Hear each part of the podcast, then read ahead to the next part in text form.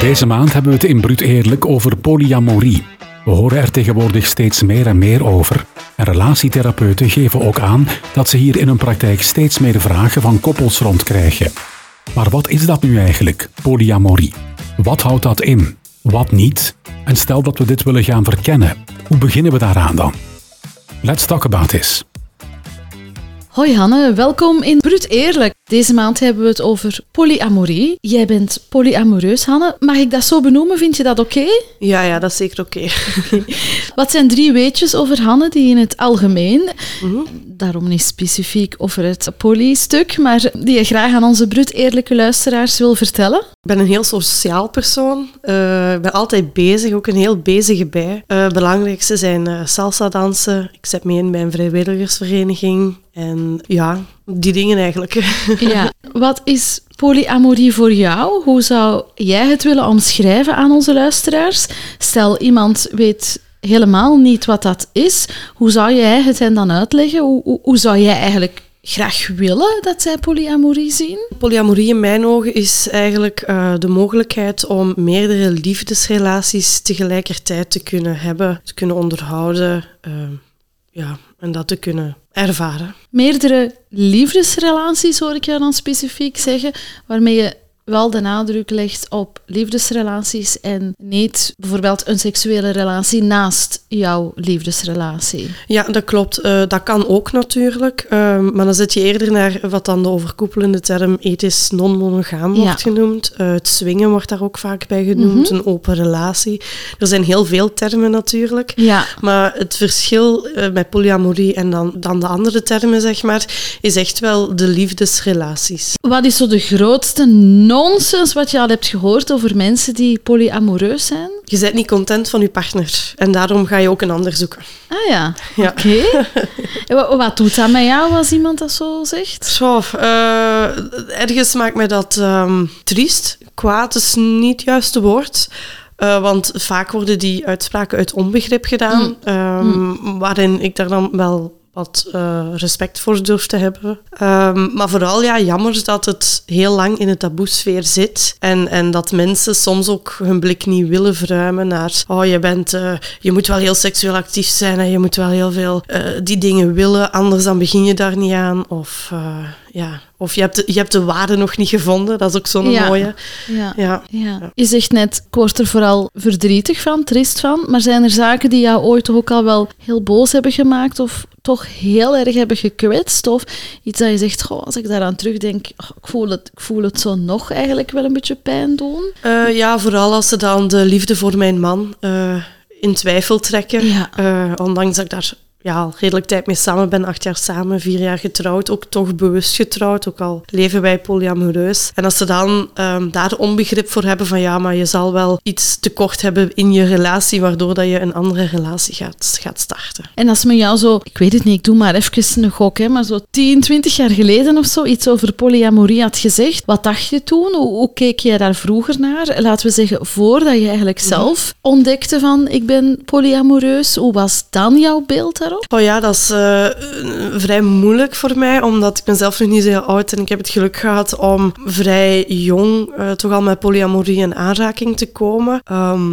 en dat is altijd grappig, want als je dan er wel over begint na te denken, zie je wel al tekenen die je dan achteraf als begint te begrijpen, die dan eh, naar polyamorie neigen. Zoals het, het, het blijvend interesse hebben in andere mensen, het, het diepgaand willen leren kennen van andere mensen, daar ook gevoelens voor krijgen, maar in je eerste relaties al helemaal durft je daar niks mee mee doen. Dan zeg je van nee, dat, dat hoort niet, dat krijg je ook mee hè, van de maatschappij, van thuis, dat hoort niet. Eh, ja, dan toch een ander lief hebben, eh, toch die, dat vorige niet kunnen loslaten. Ehm, ja, dus er zijn, achteraf is het altijd makkelijker om te gaan analyseren Ja. dan op dat moment. Uh, maar ik denk dat ik 23, 24 was toen ik uh, de term um, polyamorie ontdekte, zeg maar. Um, ja, en eigenlijk zijn zin is dat ook gegroeid tot, tot wat het nu bij ons is, zeg maar. Ja. En wat was dan zo jouw eerste gewaarwording met betrekking tot polyamorie? Hoe, hoe, hoe is jouw pad gelopen? Hoe, hoe heb jij dat dan ontdekt ehm, van oké, dat is hier eigenlijk, dat voelt wie ik ben? Ja, uh, dat is eigenlijk een speciaal verhaal. Ehm, het is niet zo dat ik dat op mezelf heb ontdekt of dergelijke. Ik uh, kwam uit een relatie van zeven jaar. Ik was van mijn zestiende samen geweest. Um, ik had daar ook een tijd mee samengewoond en dergelijke, maar we hadden beide een andere toekomstvisie, dus die relatie was gedaan. Ik heb dan mijn nu uh, man leren kennen.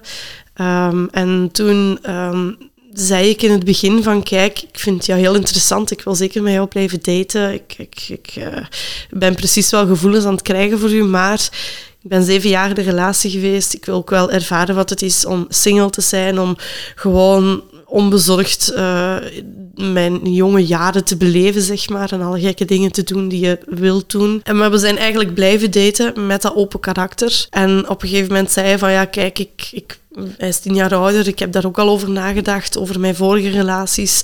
Uh, die gevoelens die ik dan ook voor anderen kon hebben en dergelijke. En ik ben er al over beginnen lezen. En uh, toen is hij eigenlijk met die term polyamorie gekomen. Open relatie, die termen, uh, zijn we ons daar eigenlijk over gaan, gaan inlezen, gaan ontdekken. En vandaar is, is ons verhaal gestart. Het is in ons geval niet alleen mijn verhaal, maar het is echt een weg die we, die we samen hebben kunnen afleggen, zeg maar. En wanneer was dan jouw eerste, hoe, hoe mag ik dat benoemen? Polyrelatie? Of, of de eerste keer dat er een, een tweede relatie naast kwam?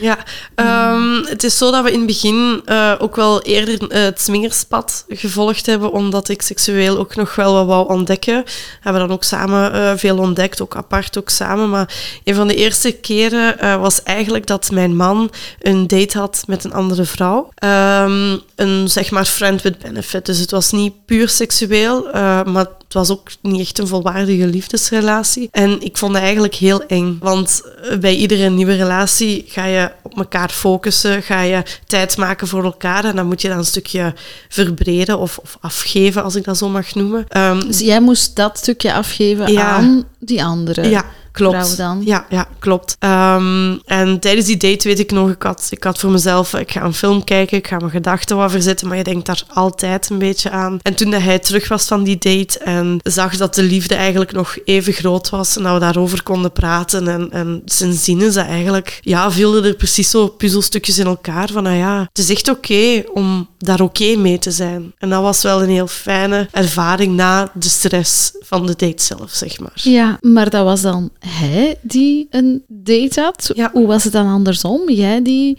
de eerste keer... Ja, ja. Ik, uh, ik was in, in, in die tijd uh, dat ik mijn uh, man leerde kennen ook vrij experimenteel. Dus ik had eigenlijk op dat moment ook wel iemand waar ik mee aan het daten was ook eigenlijk. Wat ook tot op heden nog altijd een heel goede vriendschap is.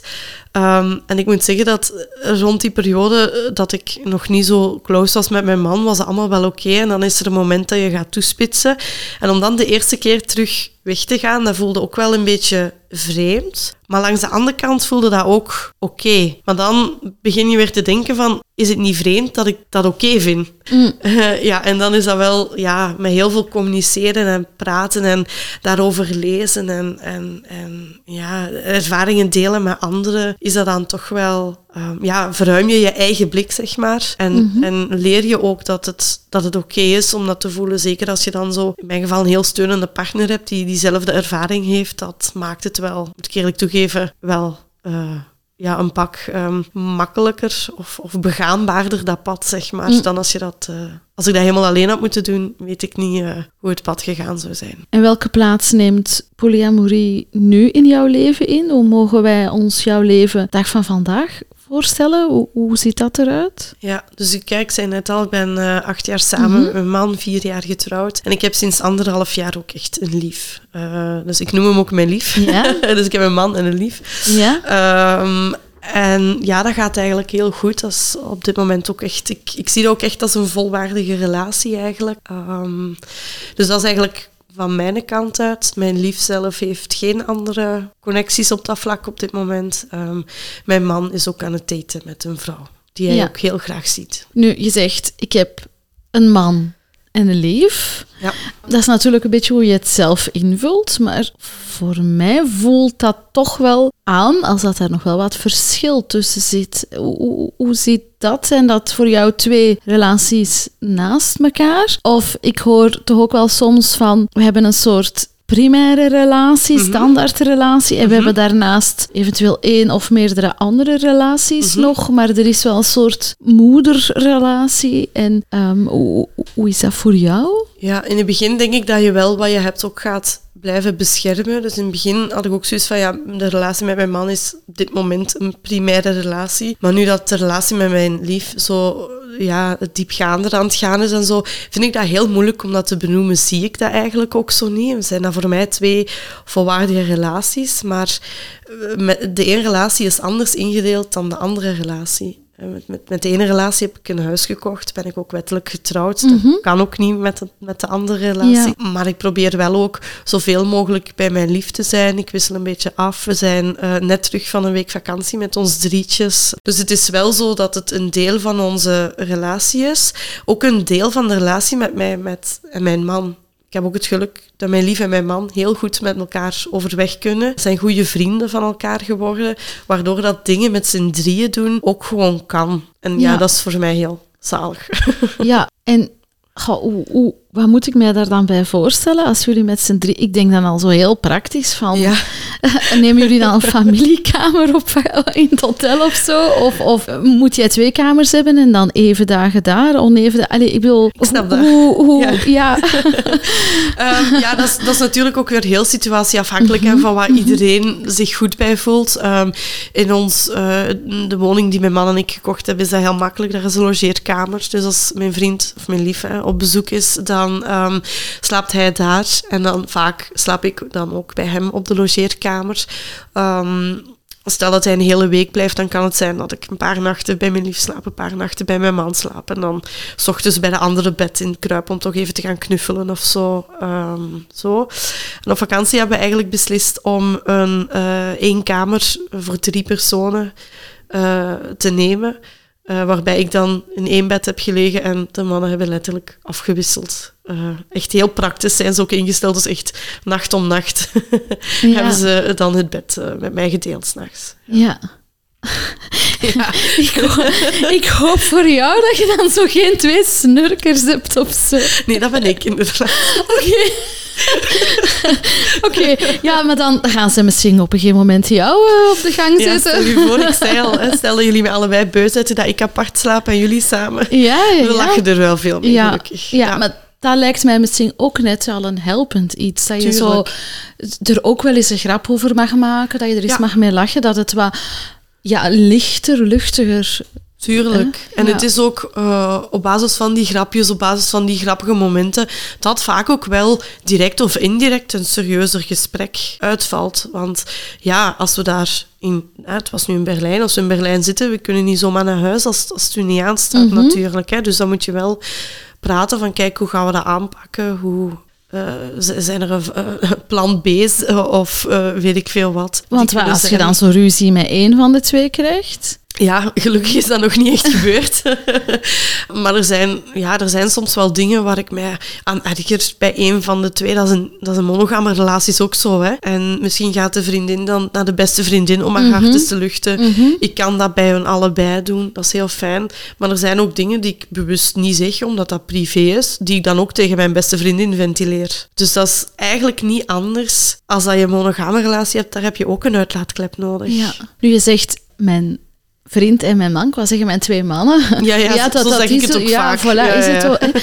Ze zijn praktisch ingesteld, we delen de kamer enzovoort. hè, Maar ik begrijp, zij hebben onderling geen liefdes- Klopt. of seksuele Ja, relatie. ja, dat klopt. Ja, ja. Zij zijn eh, enkel vrienden. En ja, goede hebben- vrienden ja. eigenlijk. Ja. Ja.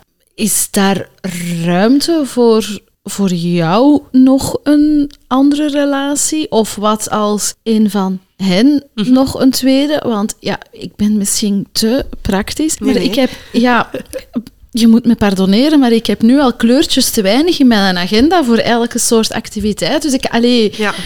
ik zou allee, niet zo heel goed weten hoe dat te managen. En als dan iedereen ja, verschillende partners heeft. Allee, dan, hè, nu, nu ben jij het alleen en op dit moment... Ja, mijn man ook wel. Hè. Die, eh, die, heeft ook, die is ook aan het daten Aan het eigenlijk. daten, ja, ja, ja, ja, maar- dus, goh, ja, dat is inderdaad ook weer goed afstemmen. Mijn eh, Google Calendar is daarbij een heel goede hulp, want dat kun je ook delen met elkaar.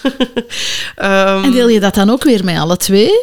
Ja, ze hebben eh, het praktisch gemaakt en alles wat ik erin zet is voor alle twee. En die wat ze apart doen, staat in een aparte agenda. Ja. Dus daar heb ik dan wel weer overzicht Ja. over. Er worden ook grapjes gemaakt als vrienden zeggen, kunnen we eens afspreken? Ja, ik zal het eens aan de agendabeheerder vragen.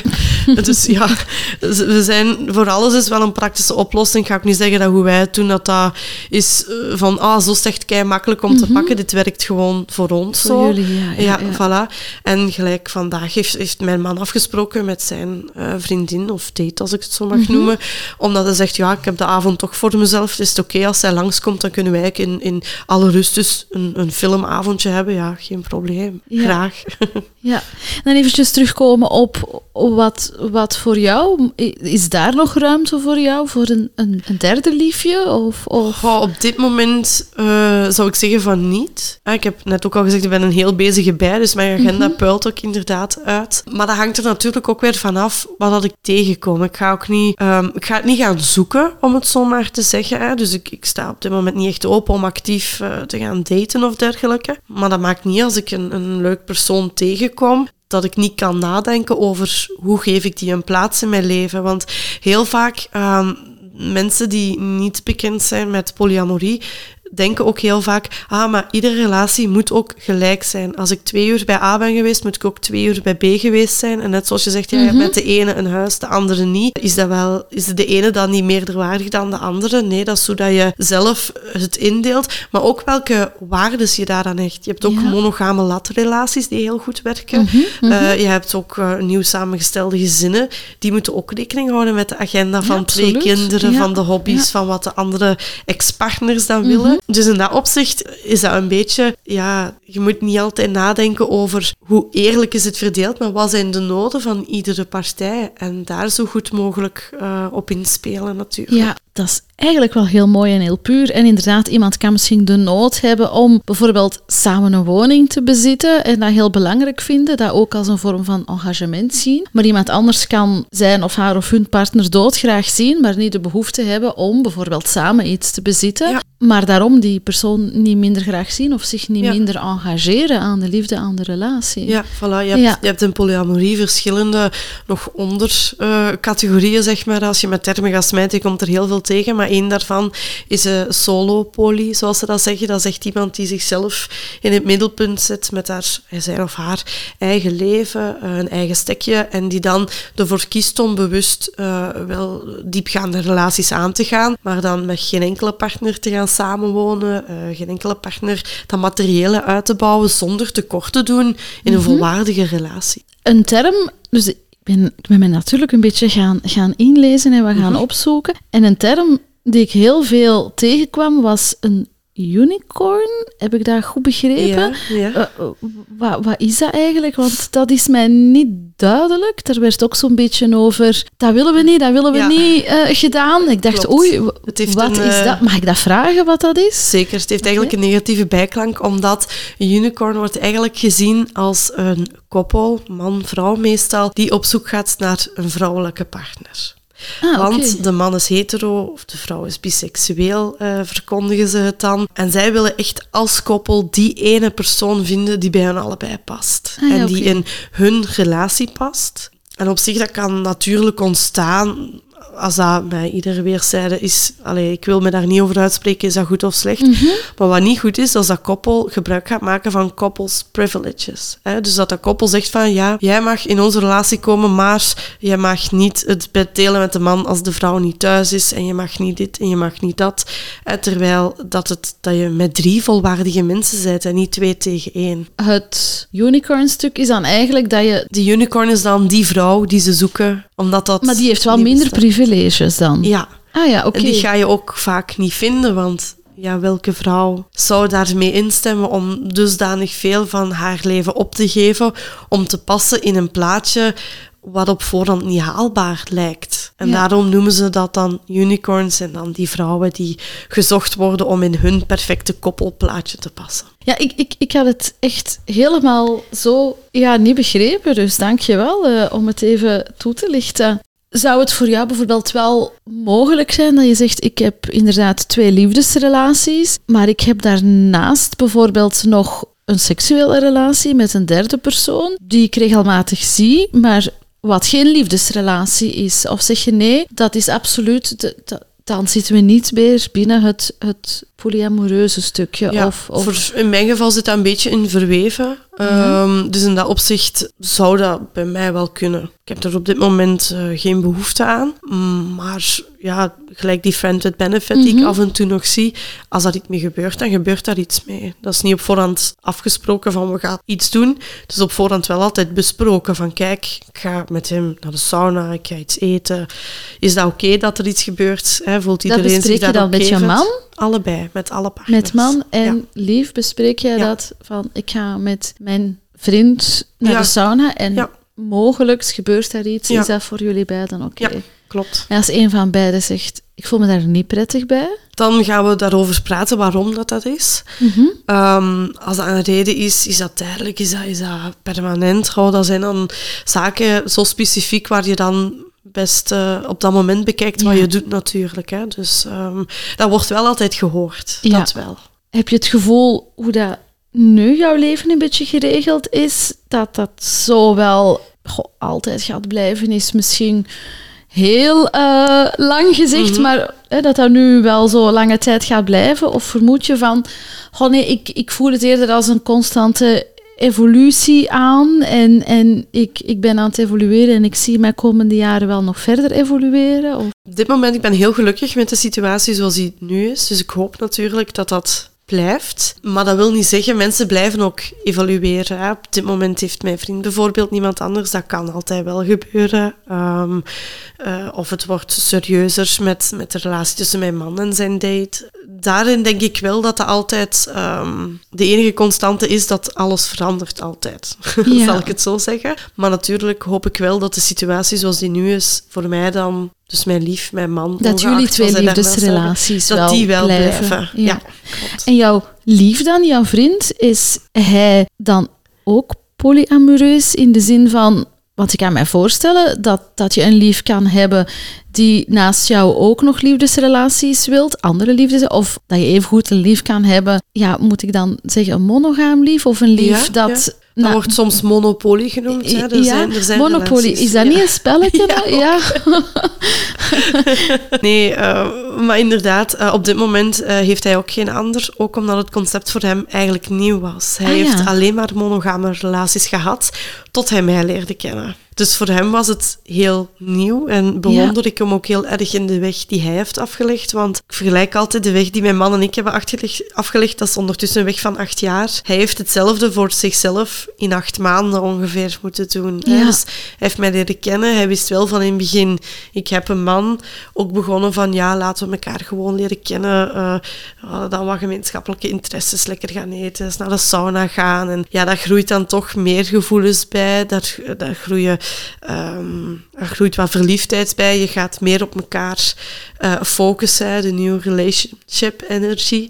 Eh, dus dat de, de gevoelens, de energie die je ervaart van een nieuwe relatie, eh, die komen daar dan allemaal bij kijken. En ja, hij zegt ook, er heeft heel lang wel een stemmetje geweest van, maar ja, ze heeft wel een man. Is dat, is dat ook wel oké? Dus dat, is ook Mhm. iets, dat is ook een weg die hij heeft moeten afleggen. Absoluut, ja. Om, om ook tot de conclusie te komen van, ja, ik ben capabel om, om dat oké te vinden, om te delen, als ik dat zo mag noemen. En, en, en om mijn leven daar een beetje rond, rond in te richten ook. Hè. Want ja, je, je zegt het al, hè, zo een, een nieuwe relatie of, of zelfs misschien het stapje ervoor nog zo daten, alles is nieuw. Ja, dat betekent ook heel nieuwe energie, nieuwe vibes. Dat valt eigenlijk toch niet te vergelijken met een relatie van een aantal jaren. Dus het lijkt mij zo dat je dan constant moet opboksen tegen iets waar je eigenlijk niet kan tegen opboksen. Want iets, pardoneert me nu even het heel brute taalgebruik, maar iets oud kan niet tegen iets nieuw op, opboksen. Ja. Snap je een beetje wat ik bedoel? Ja, ik- hoe, hoe, ga, hoe, hoe is dat dan? Hoe, hoe ga je daarmee om? Want- Ehm, ik heb al gezegd dat ik een fantastische man heb. Ik ga het opnieuw zeggen.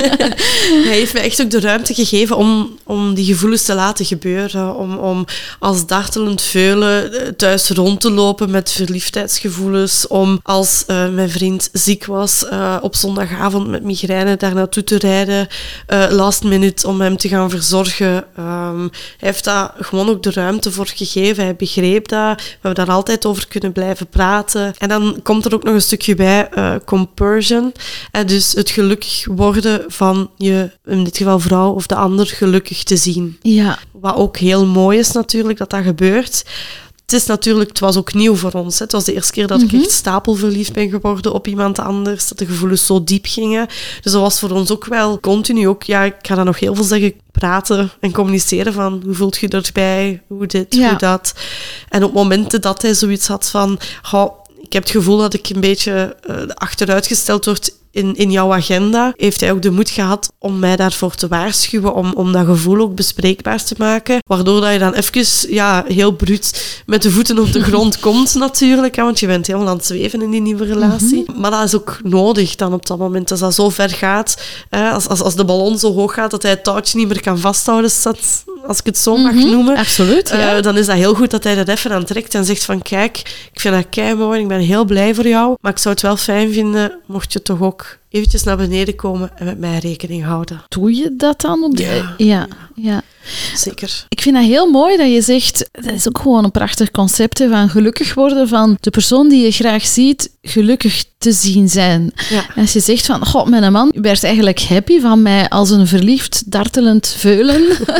Ehm, is dat dan draven of galopperen door het huis? Ik weet het niet. Maar eigenlijk moet je dan ook wel ergens erkennen dat jouw partner gelukkig wordt van, door iemand anders en niet Ja, door klopt. En daarin eh, vinden wij onze relatie wel sterk genoeg om te erkennen van dat is kei leuk dat hij u gelukkig maakt, maar ik weet dat ik u ook gelukkig maak. Ja, En inderdaad, iets oud kan je niet vergelijken met iets nieuws. De Ja. gevestigde waarde, de veiligheid, de geborgenheid absoluut. van hem Ja, is ehm, heel anders in het begin dan bij een nieuwe relatie. Want hij was ook degene die mee naar de kleerkast moest als ik niet wist op de eerste dates wat ik aan moest doen en iedere outfit moest keuren. En hij is ook degene die mij eh, ja, die, die opbleef eh, om zeker van te zijn dat ik veilig terugkwam. Ja. En, en die af en toe stuurde van hey, is het nog oké daar? En, Ja. en, ja, en laat iets weten als je aangekomen bent. En, en, dus in dat opzicht vergt dat ook wel veel van een ander. Mhm. Dat is ook zo. Maar langs de andere kant krijg je daar ook heel veel voor terug. Ik durf echt oprecht te zeggen dat de band die wij hebben sterker is geworden door polyamorie. Dat klinkt misschien heel raar, maar voor ons voelt dat echt een, als, aan, als, een, als een verrijking van onze relatie. Mhm. Als, als een verrijking van ons als, als mens zijnde zelf. ja, eh, waarin dat wij ja, daar ja, ja, in geworteld zijn of zo, in, Ja. in, in die kracht. ja. Ja, kan ik absoluut volgen, maar dan kom ik wel weer wat terug op het stukje. Als dit jullie versterkt en nog meer verbindt, dan is dit toch jullie, of jouw, hè, primaire relatie, want dat stukje heb je niet met je lief. Nog niet. Nog niet. Ja, je moet ook denken, de relatie met Ja. mijn lief is, Ja. is, is veel jonger. Is, is, loopt ook, ook anders natuurlijk. Mhm. hè? Want inderdaad, op het moment dat ik mijn man leerde kennen, had ik niemand anders. Dus heb je je leven, omdat het op dat moment heel goed voelde, zo ingericht. Hè? We hebben samen een woning aangekocht. We zijn uiteindelijk ook getrouwd. Ehm, en op dit moment heb ik dan anderhalf jaar een andere relatie. Die relatie loopt iets minder vaart. Hè. Eén stukje taboe dat daar sowieso bij zit. Hè. Het durven uitkomen voor een extra relatie. Of langs zijn kant het durven uitkomen dat hij met een getrouwde vrouw aan het daten is natuurlijk. Eh, dus dat loopt niet zo'n vaart. Ja, En ik ga niet zeggen, ik, ik, ik kan voor hem natuurlijk niet spreken. ehm, maar als, als een van de twee, als mijn man nu bijvoorbeeld zou zeggen van "Goh, ik zie dat toch niet meer zitten, ik zou dat willen eh, terugschroeven, dat gaat niet meer. Dus in dat Ja, opzicht... wat dan? ja. Wat als jij straks thuis komt en hij zegt... We moeten hier eens rond de tafel zitten.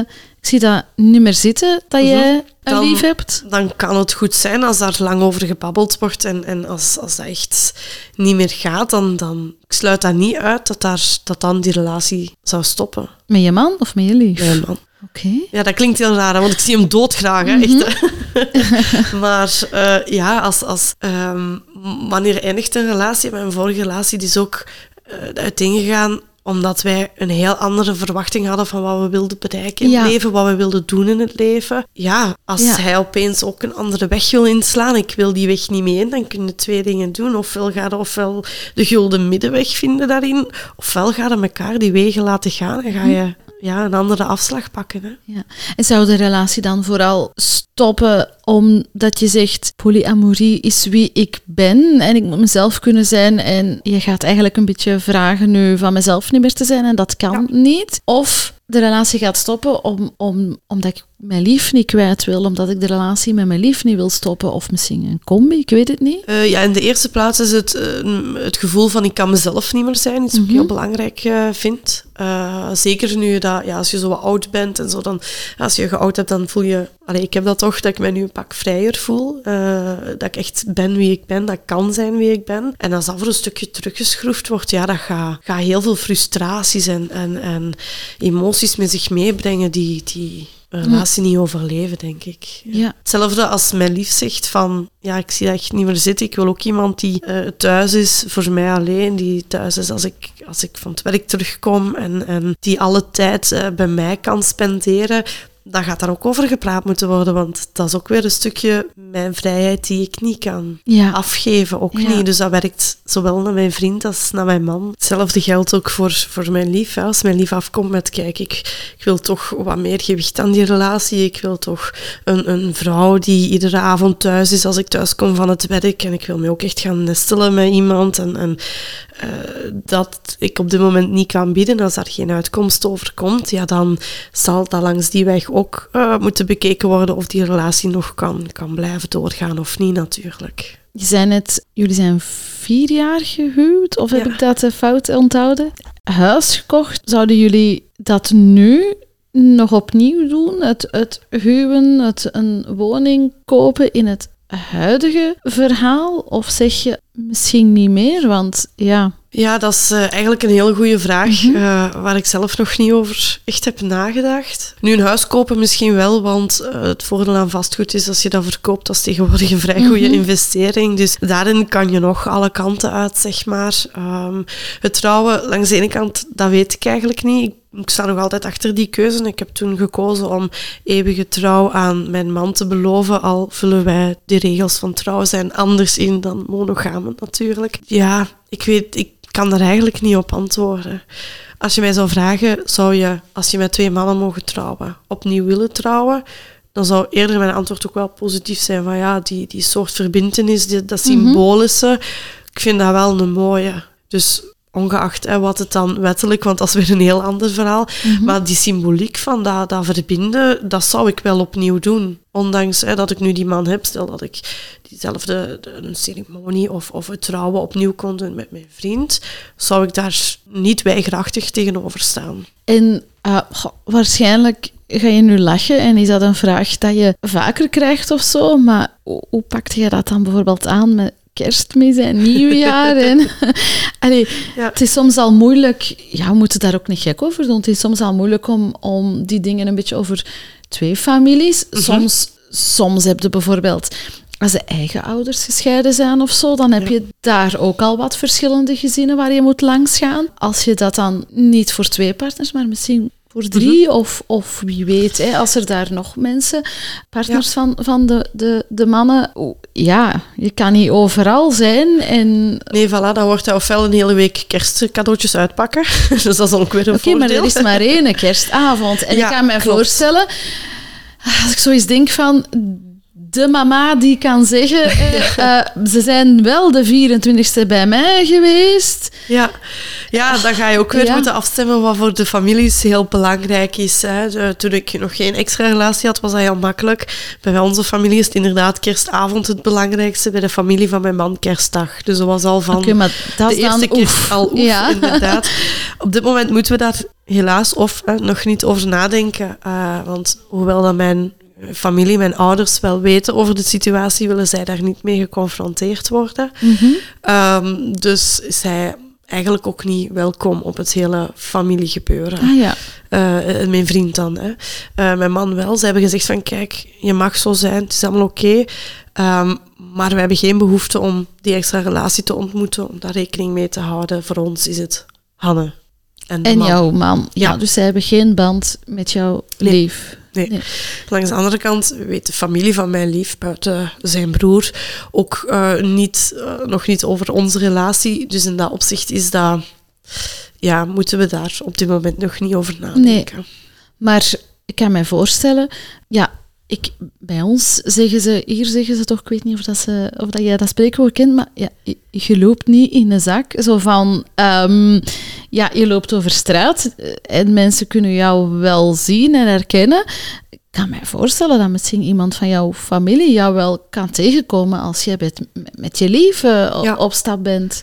Ja, Ik weet niet of dat, dat misschien al gebeurd is of Ehm, nog... Allee, hoe, hoe is dat dan? Eh, daarom vind ik het wel belangrijk dat ik de- dit jaar de stap gezet heb om wel eerlijk te zijn ten opzichte van mijn familie. Ik heb liever dat ze het van mij op mijn manier horen, dan als het ofwel via via of eh, inderdaad zoals toevallig mee geconfronteerd worden. Ehm, dat is eigenlijk ook een lange weg geweest. Eh, mijn zus die wist dat als eerste. Ehm, dan is eh, mijn neefje, heb ik het moeten zeggen, ik doe vrijwilligerswerk, dus ik ga werken op festivals. Eh, mijn neefje ging meewerken, mijn lief ging hetzelfde festival meewerken. En we gingen samen in tent slapen, mijn lief en ik. Dus ja, dan moest ik ook wel uitleggen tegen mijn neef van kijk, dat is oké, mijn man weet dat, we zien elkaar graag, dat is allemaal oké bij ons. Ehm, deze zomer ook is de moeder daarvan, dus de zus van mijn mama, mee geweest naar dat festival, waar mijn lief ook mee ging. Mijn man was daar ook bij. Ehm, dus ze hebben wel op voorhand beslist om dat te zeggen. En, eh, Ja. op die manier hun eigenlijk ook een keuze te geven van oké, ik ga wel meegaan of nee, ik wil daar zo hard niet mee geconfronteerd worden dat ik niet meega. Ja, ja. Maar het is nog niet gebeurd dat je gaat winkelen met je lief en toevallig jouw ouders tegenkomt of zo. Nee, nee, dat nog niet. Nee. En kan je dat voorstellen? Hoe zou dat voor jou zijn, moest dat gebeuren? Ehm, ik denk dat het een beetje ehm, dubbel gaat aanvoelen, want langs de ene kant weten ze dat ik een lief heb en dat ik ook met mijn lief dingen doe. Uh, maar langs de andere kant zou ik een beetje verveeld zitten met de situatie, want je wilt ook rekening houden met de wensen van je ouders. Ja. De uitdrukkelijke wens om daar niet mee geconfronteerd Ja. te worden. Maar langs de andere kant ga ik hem ook niet verbergen. Want Mhm. de bedoeling van het eerlijk te zeggen is om in vrijheid mijn relatie Ja. vorm te kunnen geven zoals ik het bij mij belangrijk vind. Eh, ik had het bijvoorbeeld tegen mijn ouders gezegd en we gingen die avond, eh, al een paar weken later, gingen we dan uit eten. En ik had een armbandje aan, een Pandora armbandje met allemaal bedeltjes. En daar hangt een specifiek bedeltje van een dinosaurus aan. En mijn zus vraagt, oh, dat heb ik nog niet gezien. Dat is, dat is dat nieuw? Ik zeg, ja, ik heb dat al van, eh, van december. Ah, hoe kom je dan aan? Want dat is precies niet echt van Pandora. Hè? Zo Pandora Free kent alle collecties. ik zeg, nee, dat klopt. Ik weet dat eigenlijk niet, want ik heb dat van mijn lief gekregen. Terwijl ik goed wist van, ja, mijn ouders zitten naast mij, maar ik wil daar niet over liegen. Dus ik ga daar niet over liegen. Ik ga eerlijke antwoorden geven, maar ik zal niet uit mezelf zeggen, zeg, ik ben vorige week bij mijn lief geweest en we hebben dit, dit en dit gedaan. Dus ik zit een beetje... Ja, het blijft een beetje dubbel, maar ik heb voor mezelf uitgemaakt dat ik, en dat weten zij ook, dat ik niet ga liegen. Zij vragen, wat heb je dit weekend gedaan? Ik ben heel weekend bij mijn lief geweest, zal ik dat ook zeggen.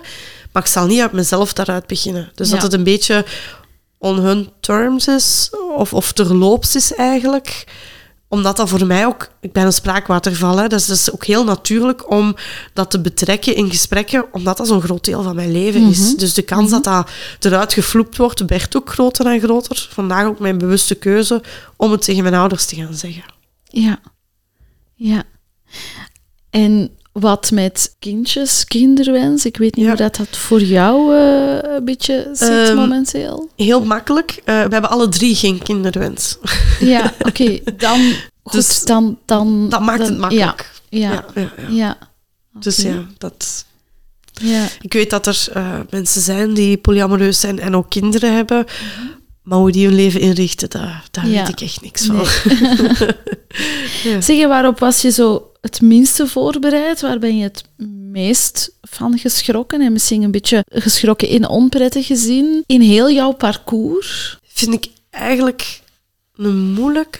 Allee, ik doe zo, als ik dat zo zeg, dat is een moeilijke of kan dat moeilijk komen, lijkt het alsof dat altijd roze geur, maneschijn, wauw, doet dat, weet ik veel wat. Nee, het, het werkt gewoon zo hard voor mij. Het past zo mooi in de manier waarop ik mijn leven inricht, dat ik dat dat precies een blinde vlek geworden is. Het enige moeilijke, wat tot nu toe echt geweest is, is de niet-aanvaarding, de uitdrukkelijke niet-aanvaarding van mijn ouders. Ja.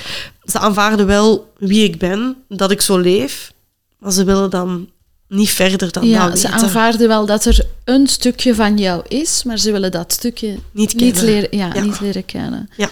En wat heb je dan als het meest positieve, leuke ervaren in heel jouw zoektochtparcours? Dat ik niet alleen ben. Ja. Dat ondanks dat sommige mensen denken dat is een heel kleine community, eh, of dat zijn heel weinig mensen die, die, die zo leven, dat er eigenlijk eh, precies eens dat je daarin zit, gaan er precies zo deuren open van, ah ja, maar er zijn echt nog wel mensen die dat doen. Er zijn echt nog wel mensen die, die, die zo leven, die hun leven zo kunnen inrichten, die daar ook perfect gelukkig mee zijn. En dat, was, dat vond ik wel heel, heel positief. Maar dat is, ik denk, met alles wat in de taboesferen zit, Mhm. gelijkgestemde vinden, is super belangrijk in uw, in uw verhaal. Ja, absoluut. En wat zou je anders doen of anders aanpakken als, al, stel, als je de klok zou kunnen Mhm. terugdraaien? Zou je überhaupt iets anders doen? Zo, ja, er zijn altijd dingen eh, er eerder mee beginnen. Oké. Eh, of er eerder oog voor hebben. Maar ja, je moet op een gegeven moment moet, moet je geëduceerd worden of moet dat aangereikt worden vooraleer dat je daarin kan gaan verdiepen. En ik ben ook niet... ik ben ook een mens en ik maak ook fouten. En je denkt ook vaak van, oh, met die relatie die ik toen aan het uitbouwen was, misschien had ik het beter op die manier gecommuniceerd of hadden we beter het zo of zo aangepakt. Eh, dus ja, dat heb ik altijd. ah, dat, dat heeft iedereen wel, denk ik. Eh, maar echt iets specifiek van zo helemaal anders. eh, Nee. Buiten die kleine dingen, Ja. vooral in... Ja, je leert ook...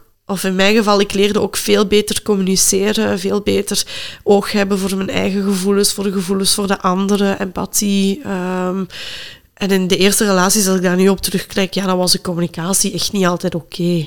En dat kan dan zijn dat ik inderdaad die persoon op dat moment gekwetst heb. En dat vind ik dan natuurlijk wel heel jammer. Ja, je zegt het al, hè? die communicatie. Je hebt ook al verteld, ik heb eigenlijk enorm veel steun en hulp van mijn man gehad. We hebben Ja. ook heel veel gecommuniceerd. Kon jij buiten met je man nog met anderen communiceren over wat je wat doormaakte? Over zo Ja. dat proces wat voor jou wat, wat gaande was? Ja, er zijn, eh, er zijn wel een aantal kanalen gelukkig. Eh, dus, dus, dus op de website, op, op websites, op internet staat heel veel informatie. Ehm, er zijn een aantal eh, Facebookgroeps ook eh, die er bestaan om, zeker als je, als je daarvoor open staat, om, om daarin te praten, waar je ook ofwel anoniem ofwel met je naam een vraag kan stellen, een situatie kan stellen.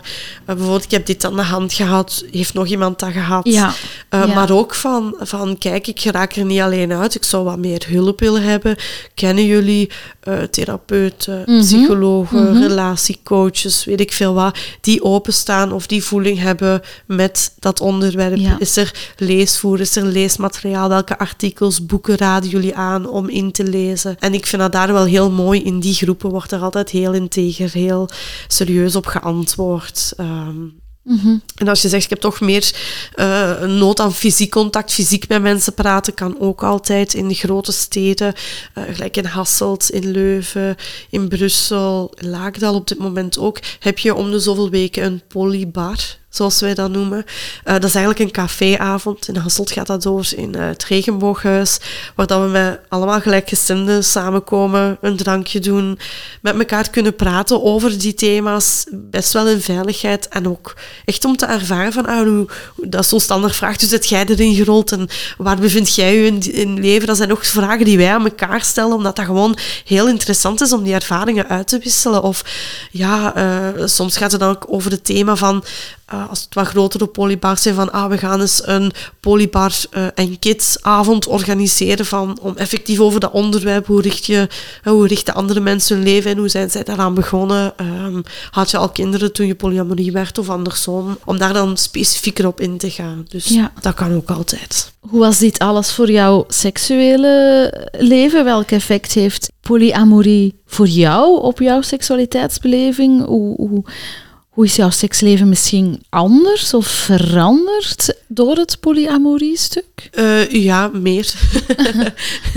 ah, ja, maal twee. We, we, we, zitten, hier, we, zitten hier, altijd te zeggen van... Eh, ja, het gaat echt wel om liefdesrelaties en zo, maar ja, een heel belangrijk deel in veel liefdesrelaties, monogaam of niet, is natuurlijk ook het seksuele. Hè, en dat is ook niet voor iedere relatie zo. Mm -hmm. uh, maar bij mij heeft dat wel een zeer positief effect gehad. Ik ben zelf iemand ook met een heel hoog libido. En uh, daardoor ja, is dat nu ook wel een beetje druk van de ketel, omdat mm -hmm. de twee mannen het kunnen delen of zo. van ja, ja uh, ik moet niet iedere dag presteren, want er is nog iemand anders die dat ook kan doen. Of uh, ja. Ja, maar het wordt wel altijd gescheiden gehouden, of zou het soms ook samen kunnen met z'n drieën, zonder dat dan de de ja. twee mannen een, een seksuele ja. relatie moeten hebben. Ja, dat is ook al uh, gebeurd. Mm -hmm. um, en dan zeg ik ook altijd, ik ben met mijn gat in de motor gevallen met die twee mannen. Want inderdaad, dat is dan echt allebei gericht op mijn plezier. Ja. En dat is dan dubbel genieten eigenlijk. Ja. Maar zij hebben dan inderdaad niks, uh, niks met nee. elkaar. Uh, ja. Maar Zou dat wel... kunnen voor jou? Ja. Ja. Ja. Ja, maar daar ligt hun wens op dit moment. Nee, nee, nee ik ja. denk ook niet dat die wens daar gaat komen. Dat hoeft ook helemaal niet. Mm -hmm. En die momenten zijn ook zeldzaam. Hè. Het is niet als we iedere keer met z'n drieën samen zijn dat we allemaal in bed belanden. Maar als je een week in Berlijn zit, dat, dat gebeurt dat bijvoorbeeld ja. wel eens. Hè. Ja, ja. Wat ik mij ook afvraag, ik weet niet of dat je me daar uh, een beetje op weg kan helpen, maar is er een link tussen polyamorie, open relaties, swingen, maar ook bijvoorbeeld met het stukje BDSM? Um, omdat ik moet zeggen, ik hoor ze vaak nogal in één adem genoemd worden, terwijl als ik het bekijk, hè, maar ik ga mezelf absoluut niet de grote specialist noemen, maar zijn dat voor mij toch wel allemaal heel erg afzonderlijke en verschillende dingen. Hoe, hoe zit dat dan? Is daar een link of, of, of is dat niet? Um, heb jij daar een idee van? Hoor, hoor jij dat zo wel eens waaien? Um... Goh, als er één link is, dan denk ik wel dat het allebei in de taboesfeer zit. Mm -hmm. En net, uh, gelijk die polyamorie, je hebt Netflix-series, You, Me, Her bijvoorbeeld. Mhm, Mm -hmm, je hebt dan de Fifty Shades, als we naar, naar BDSM gaan kijken. Allemaal dingen die, die het wat uh, behapbaarder maken, die een beeld schetsen. Ook natuurlijk niet de waarheid, helemaal niet zelfs, maar die dat wel uh, mensen dat er al in de huiskamer brengen, dat ja. laten kennis ja. maken. En ik denk dat je dat, dat je, gelijk het swingerswereld ook, je moet dat gewoon zien als, ja, dat is ook een wereld. En in die wereld zullen er vast mensen zijn die polyamoreus zijn. En je zult in die wereld ook hebben mensen die heel monogaam zijn.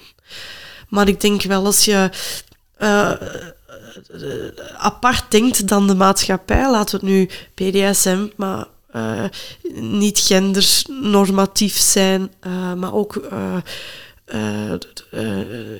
een andere neurodiversiteit zeg maar. Als ik denk aan bijvoorbeeld autisme of zo. Mm -hmm. Iedereen die anders is dan hoe dat de maatschappij ingebeeld is, denk ik wel dat die een gemeenschappelijke factor hebben als zijnde blij om te horen dat er nog zo mensen zijn als ons. Blij dat daar een opvangnet is. Blij dat daar ervaringen in een veilige omgeving gedeeld kunnen worden. Mm -hmm.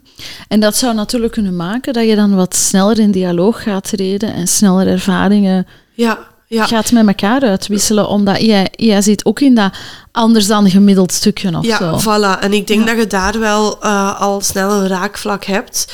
Bovendien, eh, gelijk, ja, wat mijn ervaring is dan met mensen die polyamoreus zijn, dat die inderdaad ook wel ook durven nadenken over, over andere dingen, die soms ook wel wat dieper eh, Mhm. naar hunzelf ook gaan kijken.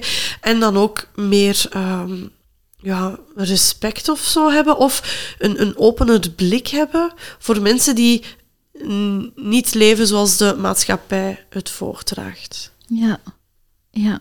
Oké. Waardoor dat die connectie en een raakvlak om Ja. een gesprek te starten heel makkelijk gemaakt is. Ja. Welke tips zou jij aan individus, koppels geven die nog geen enkele ervaring hebben in polyamorie en van zichzelf voelen wij zijn nieuwsgierig om een en ander te gaan ontdekken? Een keer te kijken, is dit iets voor ons of niet? Hè? Maar zo, ze zitten nog op het stuk dat ze dat nog niet weten. Ja. Ehm, en willen gaan kijken, is het iets wat ons mogelijk gelukkig kan maken? Hoe zouden ze dat dan het beste kunnen aanpakken? Blijven communiceren. ik ga dat nog Mhm. altijd, ga dat blijven herhalen. Met elkaar praten, eh, gevoelens durven benoemen, durven daarover te gaan. Als dat niet alleen lukt, zeker ook eh, bij een therapeut of, of Mhm. professionele hulp inschakelen. Maar ook als het veel laagdrempeliger mag, boeken lezen, polybars bezoeken. Eh, Mhm. Daar zijn ze altijd heel open over. Kan je ook, zonder dat jij zelf moet deelnemen, ben je ook welkom op een polybar. Hè. Je mag ook, zonder dat jij op dat moment polyamoreus bent of jezelf identificeert, ben je altijd welkom om ervaringen eh, te horen van hoe het eraan toe gaat. Natuurlijk niet om, om ons uit te lachen, want we willen Ja, onze nee, nee, veilige voilà. omgeving behouden. Mhm. Maar wel als je zegt van inderdaad, ik wil wel eens weten of ik ben getriggerd bijvoorbeeld, maar ik weet nog niet wat. Ja, wees welkom en ga met ons in gesprek. Ja. Um, Ja. Er zijn ook een aantal boeken. um, bijvoorbeeld, eh, ik, ik, ik hou van jou, jou en jou van eh, Nathalie Cardinaals. Dat vind ik een heel goed Mm. boek. Ja. Uh, vind ik heel goed onderbouwd met zowel ervaringen als hoe dat de maatschappij in elkaar zit vroeger en nu en dergelijke. Dus ja, er is zeker wel heel veel te vinden over, over het onderwerp. Zijn er ook contra-indicaties? Wie mag er niet aan polyamorie doen? Of, dat is natuurlijk Ja. een beetje te bruut weergesteld, maar Ja. misschien beter. Wat zijn misschien niet zo geschikte motivatoren om eraan te beginnen? Wat zijn niet zo'n goede redenen? Uh, mijn relatie loopt niet goed en ik ga daarmee mijn relatie redden. ja, ja, je lacht, maar... Nee, nee, maar ik, uh, ik, ik, ik, ik, uh, ik lach vanuit herkenbaarheid. Ja. M- Maar ik moet zeggen dat, dat ik dat als ik uh, eventjes naar de praktijk uh, kijk, um, dat ik dat wel vaker hoor in een open relatieverhaal. Hè. Het gaat niet goed in de relatie, dus we gaan Ja. de relatie opentrekken. Dan in een polyamorie-verhaal. Ik heb, maar dat is mijn beperkte ervaring. Ja, ja, ja. Dat gaat alleen over ik uh, in mijn vier, allez, tussen mijn vier therapiemuren, heb toch iets meer het gevoel dat bij polyamorie, pardon, um, de mensen er toch dieper en langer over nagedacht en gecommuniceerd hebben dan bij een open relatie. En ik hoop dat ik hier nu niemand met tegen de borst stoot, maar dat zo... Ja, open relatie is een beslissing die we wat sneller Ja. maken of durven maken of zo. En dus ik hoor vaak, het gaat niet goed in de relatie, dus we gaan de relatie opengooien. Ja, klopt. Ja, Iets minder... ja ik, ik, heb, ik heb ooit ook al eens gezegd, het is uh, makkelijker om uw uh, kleren uit te doen en naakt met elkaar in bed te liggen, dan heel je gevoelens blootleggen en u zo bloot te geven. Mm -hmm. Eh, zelfs als je het bed deelt, of als we het nu hebben over open relatie, of als je gaat vreemd gaan, als je echt niet bevredigd bent, dat gebeurt ook, mm -hmm. dan um, is dat nog altijd makkelijker, want dan ben je emotioneel afgeschermder, of je schermt jezelf af emotioneel van die, van die connectie. En, en vandaar, vreemd gaan gebeurt ook niet altijd uh, van, ik zie mijn vrouw of mijn man niet graag, Nee. maar ik kom effectief iets tekort. Ja. Ja. Uh, wat dan een heel andere insteek is natuurlijk als ik ga echt een liefdesrelatie opbouwen. En ik denk ook dat het heel moeilijk is om, om vanuit, vanuit een niet-tevredenheid te gaan denken aan polyamorie. Dat vind ik een, een heel mooie omschrijving. Ga niet vanuit niet-tevredenheid denken aan mogelijke andere relatievormen, maar zorg eerst voor tevredenheid Bij jezelf. in, bij jezelf en, en ook in je huidige relatie. En ga dan samen kijken naar welke mogelijke andere Ja. relatievormen of zo. Ja, ja. Mijn mama heeft toen ik mij ouderde de vraag gesteld: waarom, als jij gelukkig bent, ga je op zoek naar iemand anders? Ik heb daar heel lang over nagedacht, over die vraag. En heb je het antwoord al gevonden? Eh, het enige antwoord dat ik kan geven is waarom niet. Omdat dat is hoe ik mij voel. Ik heb heel veel liefde te geven. Ik heb heel veel liefde te ontvangen. En waarom niet? Ik, ik maak soms de vergelijking van... Ja, je hebt twee kinderen. Je, ziet je, twee, je hebt ook evenveel liefde voor beide kinderen. Ja, maar dat is anders, want die heb ik zelf gemaakt. Oké, dat kan. Ehm, ik eet heel graag kaas. Maar dat wil niet zeggen als ik mozzarella eet, dat ik Emmentaler niet lekker vind. Dat is ook heel kort op de bocht en heel bruut gezegd. Ja, maar, Maar- dat mag. Maar wij zijn, wij zijn gewoon in staat om van meerdere dingen tegelijk te houden. En we beperken ons nergens in. Want je kan sushi eten, je kan pizza eten, je kan Frans eten. Sst, stop te overeten, ik Ja. krijg honger. Maar als het over liefde gaat, dan moeten we kiezen. Volgens de maatschappij. Ja. Dan moeten wij ons beperken tot die ene metgezel en daarbij blijven. Ja, stemt eh, tot nadenken. En ja, voer voor nog heel veel gesprekken natuurlijk. Hè. Ja, klopt. Maar, maar dat is ook wel het mooie en het boeiende eraan natuurlijk. Wat nu als één partner een interesse heeft om polyamorie te gaan ontdekken Mhm. en de andere partner niet, maar die twee partners zien elkaar wel heel graag. Hoe, hoe is dat iets? Komt dat wel vaker voor? Hoor je dat? Het bestaat. hè. We hebben het al over monopolie gehad. Eigenlijk kan je het ook zien, op dit moment leeft mijn lief ook monogaam. Ja. Hij heeft buiten mij niemand anders. Ja. Hij heeft op dit moment ook niet de behoefte Mhm. om iemand anders te leren kennen. Maar langs de andere kant houdt hij wel heel veel van mij en alles wat er erbij komt kijken. Ja. Dus dat, dat bestaat. Eh, dat kan ook zijn dat, dat, dat de partner zegt van ik zelf heb de behoefte niet, maar ik heb wel die compersion. Ik vind het heel belangrijk om jou ook gelukkig te zien. Want inderdaad, dat niet kunnen wil niet zeggen dat je die partner niet graag ziet. En dan kan het wel zijn dat je met goede afspraken, met eh, be- begeleiding, met daarover te blijven communiceren, het wel kan zijn dat je je partner daar wel vrij in kan laten. Hanna, wat wil jij dat er anders is voor de komende generaties wat betreft polyamorie? En misschien gewoon laat het ons eventjes opentrekken tot verschillende mogelijke relatievormen of andere relatievormen dan de monogame. Hè? Wat zou je willen dat er toch wel verandert voor de komende generaties? Ehm, nog meer eh, erkenning, herkenning. En eh, ja, dat het op heel lange termijn even normaal wordt gezien als een monogame relatie. Gewoon dat er belang wordt gehecht aan relatie, maar dat dat niet beperkt moet zijn tot twee personen. Ja, Dus ook de visuele eh, representatie in media, boeken. eh, ja, dat zou, dat zou heel fijn zijn. welk advies zou jij graag nog willen meegeven aan onze bruteerlijke luisteraars? Zo, ehm, ik denk dat ik al heel veel van mijn eigen ervaring gezegd heb. Ja. En het beste advies wat ik kan geven is praten erover. Ja, ja daar blijven we inderdaad. Ja, Ja. ik blijf daarop terugkomen, omdat dat, ja, dat is zo belangrijk voor mij ook om, om dat te, te mogen doen, te kunnen doen. En ik weet dat voor velen die eerste stap ook heel moeilijk en heel eng kan zijn eh, om, om daarover te gaan. Ik, ik, ik, heb, ik heb dat in, in verschillende stappen meegemaakt. Ten eerste, ik ging van mijn jeugdlief af. Dat was al in de familie een moeilijke stap. Dan was het, ja, ik ga eh 25 kilometer verder wonen, wat niet al te ver is, maar ik bleef niet rond de kerkentoren. Ah ja, ja ik, ik wil eigenlijk ook geen kinderen. Ja, dat was dan weer een stap, hè, wat niet in het perfecte beeldje hadden. Eh, eh, ik heb eh, een extra lief, dus dat is... En weet dat, dat iedere stap...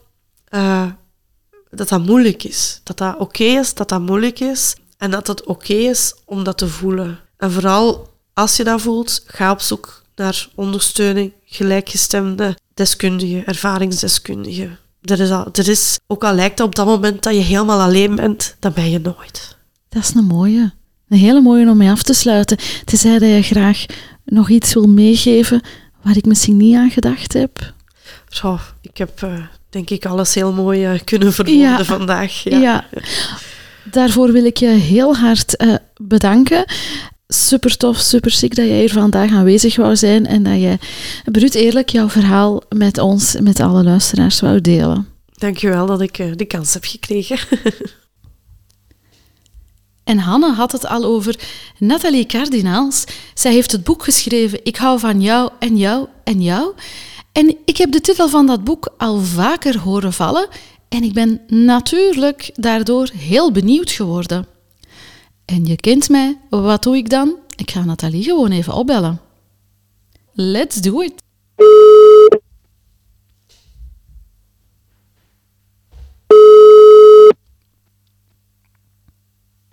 Hallo, Nathalie Cardinaals. Hallo, hoi Nathalie, Vanessa hier. Hallo, goeiedag. Hallo. Zeg Nathalie, jij bent klinisch psycholoog en gedragstherapeut en je bent ook de auteur van verschillende boeken, waarvan eentje in het kader van het podcast, hier, uh, thema deze maand, mijn bijzondere aandacht trok. Namelijk, ik hou van jou en jou en jou. Van waar de idee om, om dit boek te schrijven? Van, waarom een boek over uh, polyamorie, Nathalie? Wel, uh, ik had eerder boeken al geschreven over omgaan met kanker en over burn-out bij hulpverleners. Dus dat was een heel andere materie, zeg maar. En mijn uitgeefster uh, bij Pelkmans vroeg mij om een boek over polyamorie te schrijven. Ze zei van, ah, we zoeken iemand die daar toch ook open-minded in wil gaan, die voldoende research doet en dat sprak mij eigenlijk wel aan. Dus ik dacht, oké, ik duik erin. En uh, ik wil er ook een, een, een respectvol boek voor ma maken. Niet zozeer een boek dat uh, alleen maar uit is op sensatie. Mm -hmm. En toen ben ik eraan uh, begonnen. Ja. Ik moet zeggen dat ik zelf merk, um, in de praktijk, merk ik een enorme toename wat, wat betreft de vragen omtrent polyamorie en alle andere mogelijke alternatieve niet-monogame relatievormen natuurlijk. Ik heb dat zo ook al eens bij collega's afgetoetst en zij kunnen dat wel onderschrijven. Waardoor ik mij afvraag, is dit nu een trend of heeft deze interesse altijd bestaan en zien en horen we het nu misschien gewoon meer? En in jouw boek heb jij hierover ook geschreven. Hè? Je hebt daar ook research over gedaan. Dus ik wil die graag, die, graag die vraag ook eens aan jou stellen. Is dat nu een moderne trend of is dat eigenlijk iets van, van alle tijden? Wel, polyamorie is iets van door de eeuwen heen, maar het werd misschien ook niet altijd zo betiteld. Um, maar ik denk dat ik eerst misschien beter wat meer uitleg over wat de verschillende vormen zijn van ethische non-monogamie. dus eigenlijk ja. uh, het, het, niet monogaam zijn, dus niet uh, gewoon maar één partner hebben, maar op een ethische manier, dat wil zeggen dus in, met medeweten van de andere partner en met toestemming van de andere partner. Mm -hmm. Waarbij vreemdgaan is dan, noemen we ook wel de non-ethische non-monogamie, dan ben je ook niet monogaam bezig, maar op een niet-ethische manier, zeg maar. Ja, dus, dus, vreemdgaan, ja, dus vreemdgaan is niet hetzelfde als ja polyamorie of een open relatie. Ja, ethisch, je hebt er afspraken over gemaakt. Non-ethisch, je hebt geen afspraken gemaakt en je doet exact. het achter de rug. Exact. Ja. Ja. Yes. En dan, heb, dan, heb je, dan heb je bijvoorbeeld, ah, je hebt soms mensen met een open relatie. Dan heb je bijvoorbeeld een vaste relatie. Meestal is dat dan wel een vaste relatie met één partner. Maar dan heb je afspraken over seks buiten de relatie, wat dan eigenlijk gedoogd wordt. Mm -hmm. En dan zie je soms ook dat mensen daarbij gaan swingen, dat er ook bijvoorbeeld sprake is van partnerruil. Maar polyamorie is toch nog wel iets helemaal anders. Want daarbij ga je eigenlijk met meerdere mensen tegelijk, in alle openheid, in alle transparantie, een serieuze relatie opbouwen. Het is echt een, een, een liefdesrelatie met commitment. Uh, dus niet zomaar een beetje rondfladderen en met allemaal mensen uh, uh, ja, gewoon doen waar je zin in hebt. Ik bedoel, daar komt ook echt verantwoordelijkheid bij, ook al zorgen voor elkaar. Dus er is eigenlijk de mogelijkheid om verschillende mensen tegelijkertijd lief te hebben en dus daarbij ook verschillende um, intieme seksuele uh, partnerrelaties te onderhouden. Maar ook met, waarbij dus alle partners daar wel van op de hoogte zijn. En wat ik merk is dat het ook heel vaak um, verwisseld wordt met uh, uh, polygamie. Maar polygamie, dat is getrouwd zijn met meerdere mensen. Dat is toch ja, dat is niet altijd hetzelfde, want dat gebeurt soms om economische redenen of omwille van status. En bij polyamorie gaat het echt om bewust met mensen een liefdesrelatie aan te gaan. Ja, echt vanuit, ik zie verschillende mensen graag en ik wil graag met meerdere mensen die commitment aangaan. Ja, ja. Oké. Okay. Je, je zei daarnet, het is wel iets van alle tijden, maar het werd misschien ja. niet zo benoemd. Kan je daar mm -hmm. over vertellen? Zeker, zeker. Ja, ik heb voor mijn boek dus eigenlijk um, ook wel research gedaan over polyamorie door de eeuwen heen. Ehm, en kwam ik er eigenlijk op uit, uh, ook dankzij uh, Wim Slapping, uh, ook wel iemand die daar veel over weet. Mm hij had mij een aantal goede boekentips gegeven en ook zo wat tips van ah, ga, en in die richting kan je ook gaan zoeken. Um, wat eigenlijk blijkt is dat um, ja, eerst waren wij eigenlijk als oermens jager-verzamelaars. Dus wij trokken al rond in kleine groepen. En ja, vermoedelijk werd dan eigenlijk alles ook wel zo'n beetje met elkaar gedeeld. Ook seksueel contact. Dat was meer een soort van uh, kleine, hechte groep. Um, dus toen was er eigenlijk al sprake van ja, polyamorie, zeg maar. Hè. Mm um, en daarna kwam dan ja, de landbouw met ieder zijn eigen boerderij of zijn eigen, zijn eigen plek, zijn eigen vaste plek. En dan is dat denk ik wel iets, iets meer um, verwaterd. Dat is het meer oké op, die, op die plek uh, daar, met die partners, dat is meer een soort van vaste. Uh, of met één partner, maakt niet uit, dat is dan meer een vaste constellatie. Um, maar verliefd zijn op meerdere mensen, ja, dat is iets van alle tijden. Dat zie je ook door de eeuwen heen bij de Grieken, bij de Romeinen. Mhm. um, en dus, um, ja, dat is iets wat eigenlijk altijd bestaan heeft en wat ook ja, eigenlijk wel ergens invoelbaar is. Ook al kunnen monogame mensen daar soms ook wel een beetje bang van zijn. Dat noemen we ook wel de paradox van de prevalentie. Zo in zin van, het komt eigenlijk best wel veel voor dat we, bijvoorbeeld ook, je bent in een relatie, je, je ziet je partner heel graag, en toch kan je ook nog verliefd worden op iemand anders. Ja. En dat is echt niet altijd omdat je huidige relatie te weinig geeft, maar gewoon dat je met die andere persoon ook een heel bijzondere klik hebt. En dat betekent niet dat je dan per se altijd uh, polyamoreus moet worden en met die andere persoon ook iets uh, moet beginnen. Maar het zegt wel iets over um, ja, dat wij als mens gewoon van meerdere mensen tegelijk echt wel heel veel kunnen houden. Zoals we mhm. eigenlijk ook van onze kinderen, die heel verschillend zijn, ook evenveel kunnen houden. Dus het is eigenlijk iets heel natuurlijks. Ja. Um, en wat je eigenlijk ziet, um, ja, polygamie, hè, dus meer het, het, getrouwd zijn met meerdere mensen, dat is eigenlijk ook iets van door de eeuwen heen in verschillende culturen. Maar dat heeft vaak ook meer een economische grondslag. Het kan ook meer samenhangen met status. Soms ook in, in barre regio's heb je het gewoon ook nodig om meerdere partners te hebben om allemaal samen die landbouw te runnen. Uh, heeft dat soms meer te maken met overleven, zeg maar. En praktische redenen. Um, dus polygamie heeft niet altijd per se te maken met bewust vanuit liefde voor verschillende anderen kiezen. Want dan soms heb je dan ook wel bijvoorbeeld dat iemand in een andere cultuur, uh, een, een, bijvoorbeeld een andere vrouw, um, uh, er, erbij neemt en trouwt nog met een, met een andere vrouw omdat hij dan ook verliefd is op die andere vrouw. Maar dan kan het zijn dat die eerste vrouw dat bijvoorbeeld helemaal niet fijn vindt. En dat daar ook helemaal geen consent aan haar is gevraagd. Dan is dat ook niet echt polyamorie. Want polyamorie gaat heel erg ook over consent, communiceren, op elkaar afstemmen. Eigenlijk is het heel respectvol juist. En gaat het niet zozeer over ik doe wat ik wil en het maakt allemaal niet uit. Het gaat juist heel erg over afstemmen, uh, respect, elkaar zien, zelf ook gezien worden. Um, en um, ja, dus je ziet dus uh, polyamorie. Uh, ik merk mensen. Uh, um, ik zie het ook bij ons in de praktijk dat, dat er steeds meer aanvragen zijn. Mm -hmm. um, ik denk ook omdat er in de media wel meer aandacht voor is, dat, dat mensen meer ruimte krijgen, meer ruimte voelen mm. om erover te mm. praten. Ik zie ook wel dat de jongere generatie, scholieren, studenten, precies toch wel iets meer die, die openheid en die eerlijkheid hebben naar zichzelf toe. Kwestie van nadenken over liefde, relatievormen, daarmee experimenteren. En niet zozeer vanuit een soort van grenzeloosheid, maar eerder vanuit ik wil true to myself blijven en ik wil weten wie ik ben en ik wil het moet juist voelen. Ik wil niet zomaar alles overnemen wat de maatschappij mij voorkoudt. Ik wil het in vraag stellen. En ik, ik merk dat jongeren daar toch best wel kritischer in, in durven te zijn, wat ik eigenlijk wel heel mooi vind. Ja, ja. Zeg, en heb jij ook zicht, zijn er bijvoorbeeld meer mannen geïnteresseerd in polyamorie of meer vrouwen? Of is het hetzelfde? Meer singles, meer koppels? Ik weet niet of dat je daar zicht op hebt. Misschien ook eh, wat betreft homo, hetero, biseksualiteit. Is daar een link?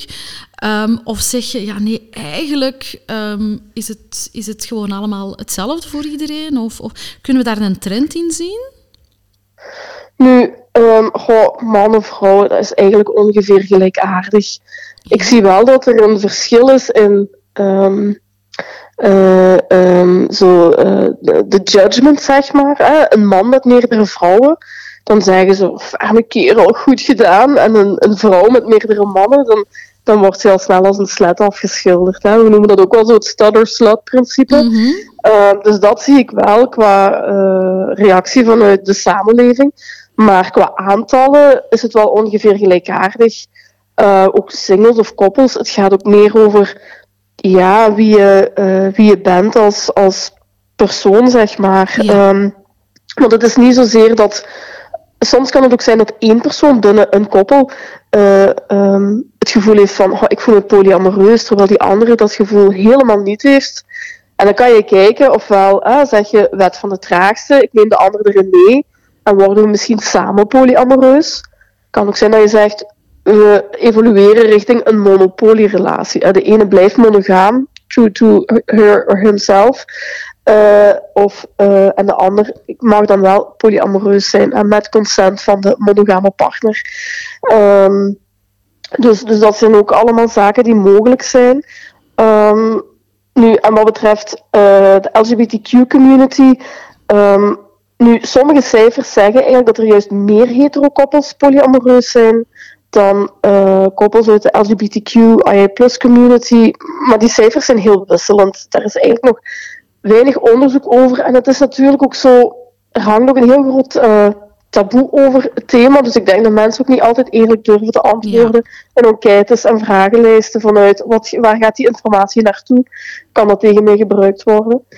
Um, maar wat ik wel zie is in die LGBTQIA community is die stap naar polyamorie minder groot, omdat je toch al anders bent. Ja, dus je bent toch al gewend van I don't fit in, of ik voel mij anders, of mensen moeten mij steeds verantwoorden. En dan dat geeft toch wel iets meer ruimte om ook qua relatievorm te zoeken naar wat echt bij je past. En voor een, een heteroseksueel monogaam koppel is het vaak toch een grotere stap omdat je, ik zal zeggen, nog niet gewend bent om tegen de schenen van het maatschappelijk ideaalbeeld ja. van een relatie te stampen. Hè.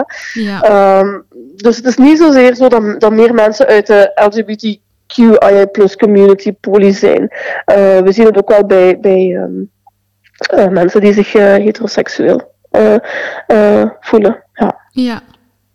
Nu, je gebruikt een aantal keer polyamoreus voelen, uh, heteroseksueel voelen. Um, hoe kunnen we polyamorie het beste bekijken, denk je? Is dat een soort mhm. van geaardheid, zoals homo, hetero, biseksueel zijn? Of is dit eerder een bewuste keuze voor een bepaalde manier van leven, een bepaalde manier van jouw relationele leven te willen organiseren? Dat is, dat is voor iedereen anders. Um, ik heb verschillende mensen geïnterviewd Um, ja, van, van 20 plus tot 70 plus, zeg maar. En sommigen voelen zich poly van nature, zeggen van, oh, ik heb me al heel mijn leven zo gevoeld, het is gewoon eh, part of my identity. En bij anderen, zij zeggen van, oh, dat is gewoon eigenlijk gewoon op zo op mijn pad gekomen en ik ben daarin gegroeid. Of, uh, ofwel van, ik ben daar nu pas klaar voor. Voor sommigen is het een fase in iemands leven. Um, en dan plots komen er bijvoorbeeld kinderen en dan gaan mensen soms toch terug naar een uh, monogame relatie, om dan toch ook meer op die kinderen te focussen. Soms kan je ook zeggen, zien in een polyamoreuze constellatie dat er ook kinderen komen, maar dan zie je maatschappelijk en, en wettelijk gezien is het allemaal veel lastiger om dat allemaal goed te kunnen regelen. Ja. Um, ook bijvoorbeeld samen een huis kopen, samen trouwen, uh, uh, ook later, hè, zo van, je ziet dat ook bijvoorbeeld bij, bij 50-plussers zo van ja, later in het uh, verzorgingstehuis kunnen wij nog samen blijven. Um, ja, dus, maar om terug te komen op uh, is het een geaardheid? Ik merkte dat het heel, dat het heel erg verschillend voelde voor verschillende mensen. Zo. Dus um, het is echt heel individueel te bekijken. Ja, ja. Je had het daarnet ook over uh, de termen polyamorie. Amorie, pardon. Ik vind dat eigenlijk soms een, een moeilijke om, om uit te spreken, zo die Y en die A achter elkaar. um, over polyamorie en polygamie, maar ik uh, kom ook regelmatig de term relation anarchie uh, tegen. En ik heb de indruk dat die term ook wel eens met polyamorie verward wordt of door elkaar mm gebruikt. Terwijl dat, dat volgens mij, maar uh, verbeter mij als ik dat fout heb, um, toch absoluut helemaal niet hetzelfde is. Hè? Nee. Kan je, even, kan je dat even uitleggen? Wat, is het verschil? Of kan je even toelichten, wat is dat? Relation energie en wat is het verschil met polyamorie? Dus, dus bij polyamorie heb je een, een, serieuze relatie met meerdere mensen tegelijkertijd. Hè? Dus die dan, ja, het, het, het meer, waar het merendeel van jouw aandacht natuurlijk ook naartoe gaat. En bij relationship anarchy vallen die labels weg van partner of lief. Um, Ken je dat zo als je vrienden lief hebben en dan dat ze plots van de aardbol verdwijnen? Hè? Dus dat je ze ineens niet meer ziet. Dus bij die relatie anarchie spreek je eigenlijk van connecties met verschillende mensen, maar je partner wordt niet als partner betiteld. En het hoeft ook niet geïmpliceerd te zijn dat je per se het merendeel van je tijd met je innige connectie doorbrengt. Dus dan, kan je, dan zie je vaak dat die mensen toch nog een relatieanarchist gaat dan toch waarschijnlijk uh, vaak nog evenzeer heel veel met vrienden blijven afspreken, met familie vanuit. Ja, die zijn er altijd voor mij geweest. Waarom zou ik ze nu ineens laten vallen? Omdat ik nu een innige connectie met iemand anders ook nog heb. Dus je vertrekt heel erg vanuit hoe het stroomt. Um, er wordt heel erg gesproken van connecties met verschillende mensen. Maar dat, dat kan van alles zijn. Dat kunnen gewoon vriendschappelijke connecties zijn. Hè? Bijvoorbeeld, uh, gewoon hartelijke connecties, bijvoorbeeld met familie. Dat kan ook meer gaan richting seksuele connecties. Dat is dan meer richting, hè, we dan normaal zeggen, dat is iemand zijn partner of iemand zijn lief. Maar dat etiketje wordt daar niet uh, opgeplakt, omdat um, als je een, een etiket ergens op uh, plakt, dan ga je het ook meteen dan ga je het zo meteen vastklikken. Zo van, oké, nu ben jij mijn partner en vanaf nu gaan wij heel veel tijd samen doorbrengen en vanaf nu gaan wij... Er komt heel veel, um, ja, ook ergens moeten bij, zeg maar. Mm -hmm. uh, je wilde natuurlijk ook wel graag. Maar mensen die zich meer aangetrokken voelen tot uh, relationship anarchy, hebben toch wel meer die vrijheid nodig. Die individuele vrijheid van vertrekken vanuit hoe het voelt, hoe het stroomt. Je tijd verdelen onder vrienden, familie, meerdere mensen waar je een innige connectie mee hebt. En dat je ook merkt van, ik hoef die connectie niet vast te klikken richting een term zoals partner of relatie. Dus het kan nu goed zijn dat het op tijdelijk evolueert richting een, een een band die anderen misschien zouden betitelen als een relatie. Maar als dat terug minder wordt, en, en dan kan dat ook wel heel natuurlijk terug evolueren richting bijvoorbeeld meer een vriendschap of elkaar wat minder vaak zien, zonder dat dat dan telkens ja, weer een andere termen moet geplakt worden. Hè? Bij elkaar, uit elkaar, vriendschap, uh, lief. Um, dus als die titels wegvallen, kan die dynamiek eigenlijk zo wat natuurlijker stromen en ervaar je ook meer natuurlijke en ook meer individuele vrijheid. Ja. Een andere term die ik zeer interessant vind en in jouw boek las, is New Relationship Energy. Um, wat absoluut, denk ik, toch niet beperkt is tot, tot enkel polyamoreuze relaties natuurlijk. Maar kan je even uitleggen, wat is dat precies? En wat kunnen hier de voordelen van zijn? Maar misschien ook nadelen. Ik weet niet of er nadelen van zijn. Um, en, en wat is mogelijk wel de link tussen polyamorie en New Relationship Energy? Wel, de, de vlinders en de boost die je ervaart bij een nieuwe geliefde, dat noemen we dus ook wel New Relationship Energy. dus de energie die je krijgt van een nieuwe relatie. En natuurlijk is dat ook wel herkenbaar bij monogame relaties. Um, maar ook bijvoorbeeld binnen een polyamoreuze constellatie. Um, je hebt een heel fijn uh, fijne band met je partners. En dan komt er uh, een nieuwe partner bij en dan voel je van, oh, dat, dat, dat, ja, dat is toch wel een boost wat ik eigenlijk kreeg. Mm -hmm. um, dat is die new relationship energy. Nu, voor- en nadelen, het is eigenlijk iets heel natuurlijks. Als iemand ons prikkelt en raakt van binnen, dan doet dat wat met ons als mens. Dat is eigenlijk heel mooi. En het voordeel is natuurlijk de high die je voelt, de extase, de verrukking omdat je dat andere mooie mensen hebt leren kennen, dat nu deel van jouw leven is geworden. Nadeel binnen een polyamoreuze constellatie, het is niet echt nadeel, maar um, het zou kunnen dat je soms zodanig um, in beslag wordt genomen door je nieuwe partner, dat je bestaande partners of connecties, uh, dat je die onbewust soms een beetje gaat verwaarlozen qua aandacht of qua tijdsbesteding. Dat gewoon erbij zijn hier en nu, zeg maar. nu, meestal binnen polyamoreuze relaties wordt daar sowieso heel veel gecommuniceerd. Ehm, dus dan wordt dat meestal ook wel tijdig bespreekbaar gemaakt. Zo van, oh, ik zie dat je, uh, dat je, met je, uh, dat, je veel aandacht besteedt aan je, aan je nieuwe partner en ik gun het je ook helemaal. Uh, maar ik wil ook nog wel een beetje aandacht. En ik ben er ook nog. En zo fijn zijn als je het wat, wat meer kan verdelen. Zo. Dus dat, wordt echt wel tijdig benoemd. Um, en dus die ander en ook gunnen uh, dat, dat die nieuwe connectie erbij komt. Uh, ja, dat is eigenlijk ook iets wat je toch wel vaak, uh, vaak ziet, zeg maar, binnen polyamoreuze relaties. Ja. Ik, kwam van alles interessant tegen. Natuurlijk zou kunnen blijven doorgaan.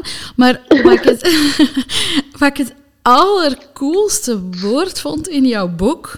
Ik weet niet of jij dat zelf hebt bedacht, of, hè, maar dat is ja lief gevoelens. Ik weet niet, is dat een samentrekking tussen jaloezie en liefde? Heb jij dat zelf bedacht? Leg eens uit. Ja lief gevoelens. Ja, dus ik heb het niet zelf bedacht. Die credit gaat naar Ageet Venemans. Zij is auteur van het boek Ik hou van twee mannen. Mm -hmm. uh, het ja-liefgevoel, we noemen dat ook wel compersie, in het Engels compersion, uh, is je gelukkig voelen als je ziet dat je partner gelukkig wordt van die andere extra partner. Dat de ander gunnen, een blij gevoel krijgen als die ander met een stralende seksblos van zijn date terugkomt met een ander lief.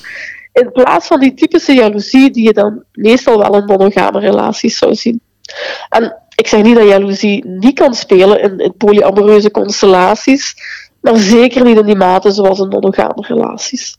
Dus je kiest bewust voor een andere relatievorm en jaloezie is daar echt geen dagelijks thema bij, hoeveel, hoewel veel mensen dat wel denken. En als er al jaloezie is, is dat eerder een onzekerheid van vindt hij, zij of die de ander misschien leuker of interessanter dan mij. En dat is dan iets waar je voor jezelf mee aan de slag kan. Want dat is een stuk van jezelf waar je mee moet dealen, maar waar je uiteraard wel ook over kan babbelen met je partners. Ja. Ja, cool, tof. Ik ga het in ieder geval onthouden, want ik vind het een, een geweldig mooi woord. in je boek schrijf je ook dat kinky en BDSM, als we eventjes dat, dat is eh, eventjes uh, groeperen, hè, dat kinky en BDSM sneller hand in hand gaan met polyamorie dan andersom, hè, dan poly met, met kinky. Kan je even toelichten wat je hiermee bedoelt? Ja, dus eigenlijk um, wat je ziet is, um, dus gangsters, die houden dus van, excuseer, gangsters van uh, ja, niet-conventionele seksuele handelingen om intimiteit in de relatie te verhogen. Een soort van erotische nieuwsgierigheid waarbij je buiten de lijntjes kleurt, maar ook met onderling consent en heel veel respect voor elkaar. Um, en um, wat je dus ziet is, mensen die polyamoreus zijn, die zijn niet per se kink, maar in de kink scene zie je wel vaker polyamoreuze relaties.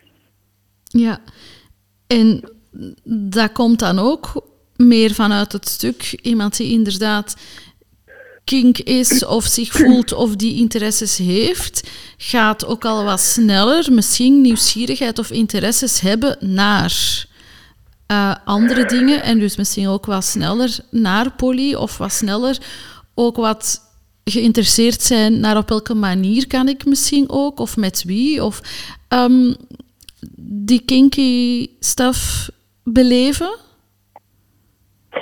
Goh, ja, ik denk dat dat voor iedereen heel verschillend is.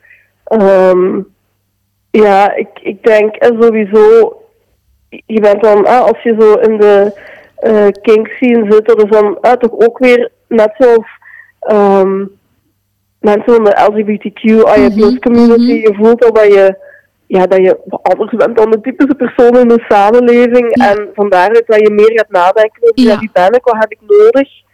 Ja. Um, en en ja, dat je dan ook voelt dat je uh, bijvoorbeeld, stel je hebt een, een, een, een, een, een meester of een meesteres, of, of um, dan voel je toch al dat je zo al op bepaalde vlakken meer um, ja, ook zo andere, uh, soort van intieme relaties of, of, of uh, hechte relaties eigenlijk met anderen, soms los van je partner gaat aangaan. En ik denk dat van daaruit die stap naar polyamorie, uh, daarom, niet per se met, met je dominatrix, zeg maar, um, maar wel dat zo um, die, die stap sneller gezet is naar ehm, dan ook ja, openstaan voor met meerdere mensen die, die waardevolle, hechte verbindingen te hebben. Ja, ja. En, en, en dan, ik ben poly, of ik kies om poly te leven. Dan Mhm. de coming out. Hoe, hoe, doe, hoe doe je dat? Heb je daar tips, adviezen voor? Ehm, Goh, ehm, ja, niet iedereen kiest ervoor eh, om voor die coming out te gaan. Ehm, meestal wordt dat toch heel voorzichtig en stapje voor stapje gedaan. Zeker als er ook kinderen mee eh, gemoeid zijn, als er, eh, stel dat iemand ook kinderen heeft. Want ja, hoe erg het ook is, anno 2023, maar in de maatschappij kan het dus heel vaak tegen je gebruikt worden. Denk bijvoorbeeld aan het werk, eh, promotie die je misloopt, eh, aan de schoolpoort. Misschien ouders die liever niet hebben dat hun kinderen nog met, met jouw kinderen spelen. mhm, In de mhm. rechtbank, bij een scheiding, Ja. waarbij een polyamoreuze levensstijl tegen je kan gebruikt worden. En dan is het wel afhankelijk van de rechter hoe open-minded dat deze is. En je gaat ook zien, sommige mensen gaan het begrijpen of dus minstens respecteren. En anderen, ja, die kan je uitleg blijven geven en ze blijven vooroordelen behouden. Hè. Dat is een beetje pagels voor de zwijnen, zeg maar. Mhm. Ehm, ja, dus we leven in een samenleving waarin we zo gezegd open zijn. Maar ik zie toch vaak nog echt ook ja, heel veel vooroordelen, bekrompenheid. Ook bijvoorbeeld naar de eh LGBTQIA plus community. eh, eh, naar mensen uit de kink scene, naar mensen die, die een ethische non-monogame relatievorm hebben. Ehm, en ik zie ook wel vaak een soort van polarisering. Dus enerzijds mensen die zeggen van monogamie dat is het enige goede en al de rest dat is, dat, dat, dat is niet goed of dat, dat is slecht of die mensen hebben, weet ik veel, daar scheelt iets mee of die hebben bindingsangst. Anderzijds zie je soms mensen uit de, de, de polyamoreuze scene die zeggen van ja, polyamorie is het enigste dat mogelijk is en eigenlijk zijn we allemaal polyamoreus. Ehm, ja, het is eigenlijk, iedereen moet gewoon voor zichzelf uitmaken wat past bij. We hoeven echt niet allemaal poly te worden, maar we hoeven ook niet allemaal monogaam te zijn. Ja. Eerlijk blijven naar onszelf, qua relatievorm durven te kiezen wat bij ons past. En eigenlijk, zolang wij niemand schade toebrengen met wat wij doen en met onze relatievorm, is het eigenlijk niet aan een ander om onze rekening te maken, vind ik. Ja. Dus ja, coming out, ik zie dat het nog relatief weinig gebeurt omwille van heel veel vooroordelen, misverstanden. Als je het doet, zie ik dat meestal dat mensen het meest, meestal eerst bij, ja, bij naasten doen. Waarbij ik dan soms hoor dat dan de ouders, zeker bij kinderen van hetero-stellen, dat ouders eh, dan soms wat moeilijker hebben en dat dat de mama heel relaxed reageert. Dat zoiets heeft van, oh maar kind, waarom niet? En, en, dus dat is eigenlijk heel grappig dat soms dan grootouders daar veel, veel ja, opener op reageren. eh, dan de ouders zelf. Dat is iets wat ik regelmatig Die hebben de flower power meegemaakt, hè? ja, inderdaad, ja. En ik zie ook bij zo die coming out, sommigen doen het voorzichtig en in stapjes. En anderen, die hebben er ook gewoon lak aan wat anderen denken. Die gooien het eruit en die hebben zoiets van, take it it, dit ben ik. En dat vind ik ook mooi. Ik denk, doe vooral wat past bij je persoonlijkheid, maar hou wel rekening met je omgeving. Mogelijk is het wel wijsheid om de omgeving er op hun eigen tempo, stapje per stapje in mee te nemen. Ja, ja. Zeg, en Nathalie, je, je vertelt het, je hebt heel veel research gedaan voor jouw boek. Ehm, Ik vermoed dat je daar zelf dan ook ongetwijfeld veel, veel uit geleerd hebt. Mag ik vragen, wat is zo voor jou het meest eh, opvallende of, of, of wat zeg je, dat is nu de mooiste les die ik daar zelf zo wat heb uitgehaald? Dat is, dat is eigenlijk wel een mooie. Wat ik eigenlijk daar ge- gehoord, gezien, geleerd heb. Wat zou dat dan zijn? Wel, wat ik heel mooi vond was, ehm, ja, ik heb heel veel eh, eh, polyamoreuze eh, mensen eh, geïnterviewd en ja, wat, wat, ik, wat ik echt wel, wat, wat mij echt wel zo, ja, wat ik heel inspirerend vond, zeg maar, dat was dat ze bijvoorbeeld ook zeiden van zelfs soms, hè, dan, dan word je toch geconfronteerd met je eigen issues binnen je verschillende relaties. En zeker bij verschillende relaties, zo je, je, ja, je mindere kantjes, zeg maar, of je valkuilen bij jezelf, die worden juist extra belicht, hè, want die komen in de verschillende relaties, Ja, loop je daar tegenaan. Hè. Eh, dus die komen nog meer aan de oppervlakte. En dan gaan ze daar eigenlijk heel open mee om. Van, ah, oké, goed, het is een stuk voor mezelf. Hier moet ik mee aan de slag. Of voel ik me soms toch een beetje onzeker. Hè, van, van uh, ben ik wel goed genoeg voor mijn andere partners? Dan gaan ze niet zozeer die ander dwingen om, om ja, te zeggen van, nu moet jij meer tijd bij mij doorbrengen, want dan weet ik dat ik goed genoeg ben. Wat soms eigenlijk toch wel zo'n beetje de valkuil is binnen monogame relaties, dat dat een beetje een temper is voor je eigen onzekerheid, voor sommigen. Um, en ja, dat ze dan veel meer zelf daar zo verantwoordelijkheid voor opnemen. En, en dan zeg ik, oké, ik ga dan misschien voor een therapie of, of ik ga ermee aan de slag. En dat vond ik, dat vond ik eigenlijk heel mooi. Zo van, ik, ik, neem daar een verantwoordelijkheid voor op. Zo van, ja, uh, dit is mijn stuk en daar ga ik ook mee aan de slag. En dat vond ik, dat vond ik echt heel mooi om te horen en om te zien. Ja, ja. En wat is zo de grootste bullshit dat je, dat je hoort en, en ziet momenteel over polyamorie? Van, van wat komen, komen nu haren recht? Of, of ik weet niet wat dat jij doet, tegen het plafond ehm, plakken of zo? Uh, wat, ja, wat, zeg je, dat is niet oké, dat is niet juist, dat klopt niet? Uh, als, uh, ja, als er dan zo ehm, mensen die polyamoreus zijn ehm, afschilderen als zo, ja, zo van die seksbeluste uh, hechtingsangst, uh, uh, bindingsangst, individuen zo, ja, dan denk ik echt van, dat vind ik echt niet oké. Okay. Daar, daar moeten je mensen echt tekort mee, vind ik echt niet oké. Dus dat zijn van die typische vooroordelen, van haar ze nooit genoeg en die gaat achter iedereen aan of die, die gaat zomaar met iedereen naar bed. En ja, terwijl, als ik zie wie, de mensen die ik heb geïnterviewd, ik vind hen allemaal zo zelfbewust, respectvol, rekening houden met anderen, eigenlijk heel natuur. En je moet er echt wel stevig voor in je schoenen staan. Het is, het is niet gemakkelijk, omdat je, ja, je, hebt, je hebt niet alleen de, de, de leuke momenten met verschillende anderen, je hebt ook soms de moeilijkere momenten. En daar moet je dan soms ook allemaal tegelijkertijd mee dealen. En ja, het, het, is, het is niet zoiets van, uh, ja, ik ga hier maar gewoon een beetje vliegen fluiten en whatever dat is het echt helemaal niet. En dan wordt, er, zo wordt het dan soms wel afgeschilderd. Zo, hè? zo van uh, uh, krenten uit de pap halen, weet ik veel. En ja, dat vind ik echt, dat vind ik echt heel, helemaal niet fijn om te horen. Want ik heb echt wel gewoon ja, net het tegenovergestelde gezien. Dat het juist mensen heel erg nadenken over zo van wat, wat, wat wil ik, hoe voelt het voor mij, hoe voelt het voor de ander. Er wordt heel veel rekening gehouden, er wordt heel veel gecommuniceerd, vaak veel meer dan in monogame relaties.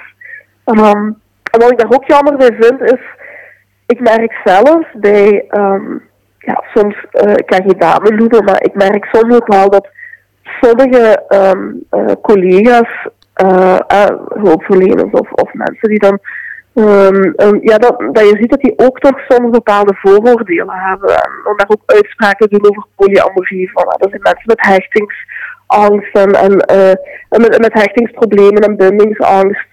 Terwijl dat helemaal niet gebaseerd is op wetenschappelijke ondergrond. Ja, dan vind ik dat wel jammer. Dan denk ik zo van, oh, het, is, het zit al in een taboesfeer. Het is al moeilijk in deze samenleving om hiervoor uit te komen. Ja, nu maakt het mensen eigenlijk nog minder gemakkelijk. En ik vind ook als, als je bent polyamoreus, je wil naar een psycholoog gaan, of naar een hulpverlener, naar een seksuoloog. Het is wel belangrijk dat die persoon ja, toch wel op de hoogte is van wat houdt het in, wat zijn ook misverstanden en vooroordelen en dat je daar niet op wordt afgerekend.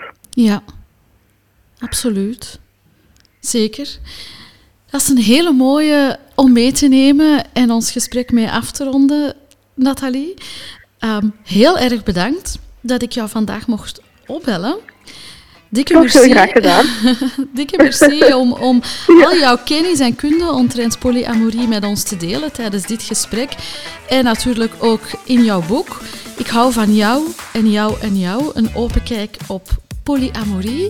En na vandaag hou ik net nog een beetje meer van jou ook, Nathalie. Dat wederzijds, Vanessa. Dank je wel. Dag. Dag. Dag. Je luisterde naar de eerste aflevering van deze maand van Bruut Eerlijk. Op naar de volgende aflevering. En we hebben het dan Bruut Eerlijk verder over polyamorie en alles daaromheen.